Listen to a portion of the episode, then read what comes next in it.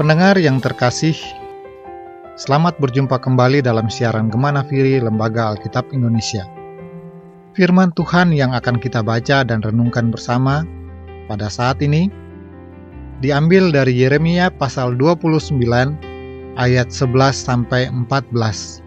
Demikian firman Tuhan. Sebab aku ingin mengetahui rancangan-rancangan apa yang ada padaku mengenai kamu Demikianlah firman Tuhan, yaitu rancangan damai sejahtera dan bukan rancangan kecelakaan, untuk memberikan kepadamu hari depan yang penuh harapan. Dan apabila kamu berseru dan datang untuk berdoa kepadaku, maka aku akan mendengarkan kamu. Apabila kamu mencari aku, kamu akan menemukan aku. Apabila kamu menanyakan aku dengan segenap hati, aku akan memberi kamu menemukan aku Demikianlah firman Tuhan. Dan aku akan memulihkan keadaanmu dan akan mengumpulkan kamu dari antara segala bangsa dan dari segala tempat ke mana kamu telah kucurai beraikan. Demikianlah firman Tuhan, dan aku akan mengembalikan kamu ke tempat yang dari mana aku telah membuang kamu. Saudara-saudaraku, sebagai anak-anak Tuhan, tentunya kita ingin menjadi berkat bagi orang lain. Ada sebuah kebahagiaan bila kita hidup dan dapat berguna dan berkarya bagi sesama kita. Kita adalah karya mulia Allah, sehingga sudah sepatutnya kita menjadi berkat dan duta Allah yang dapat diandalkan serta dibanggakan. Sedih rasanya bila membaca berita tentang kejahatan atau korupsi namun pelakunya adalah umat Kristiani. Kita memang manusia yang serba terbatas dan tidak sempurna. Kadang kita jatuh dalam dosa, namun kita dapat menjadi sempurna bila kita menyerahkan hidup sesuai dengan rencana Tuhan.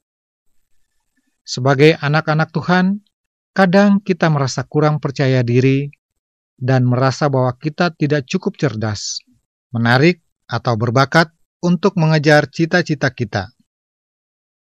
Kita lebih percaya pada apa yang dikatakan orang lain. Bahkan yang lebih buruk lagi, kita merasa tidak berguna. Hal-hal tersebut sebenarnya memberikan batasan bagi karya Tuhan yang bisa terwujud melalui kita. Ketika kita menyerah dalam mengejar impian, maka kita akan memenjarakan Tuhan. Tuhan menciptakan kita demi sebuah tujuan indah.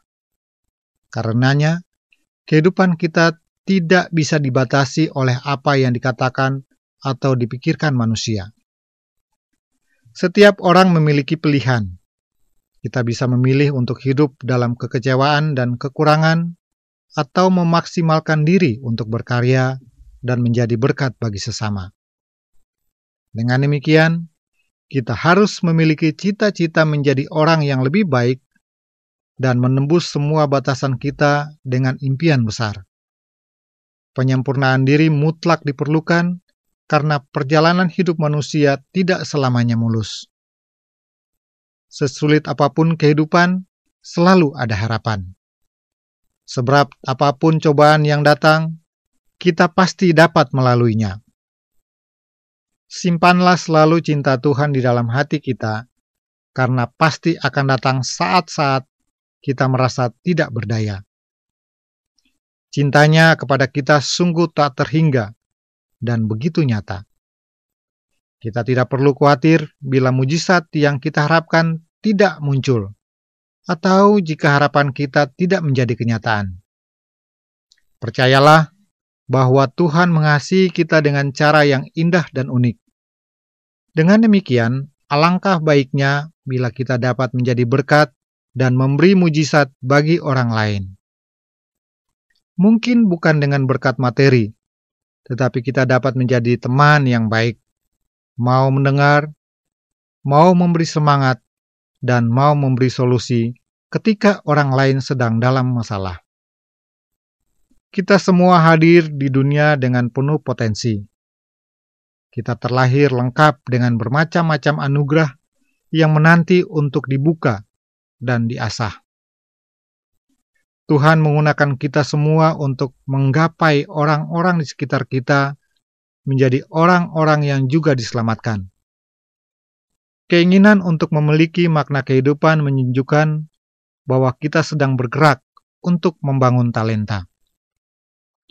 Kehidupan tanpa makna tidak ada harapan. Kehidupan tanpa harapan menandakan tidak adanya iman. Marilah kita buat hidup kita bermakna bersama pengharapan dan iman kepada Tuhan Yesus Kristus.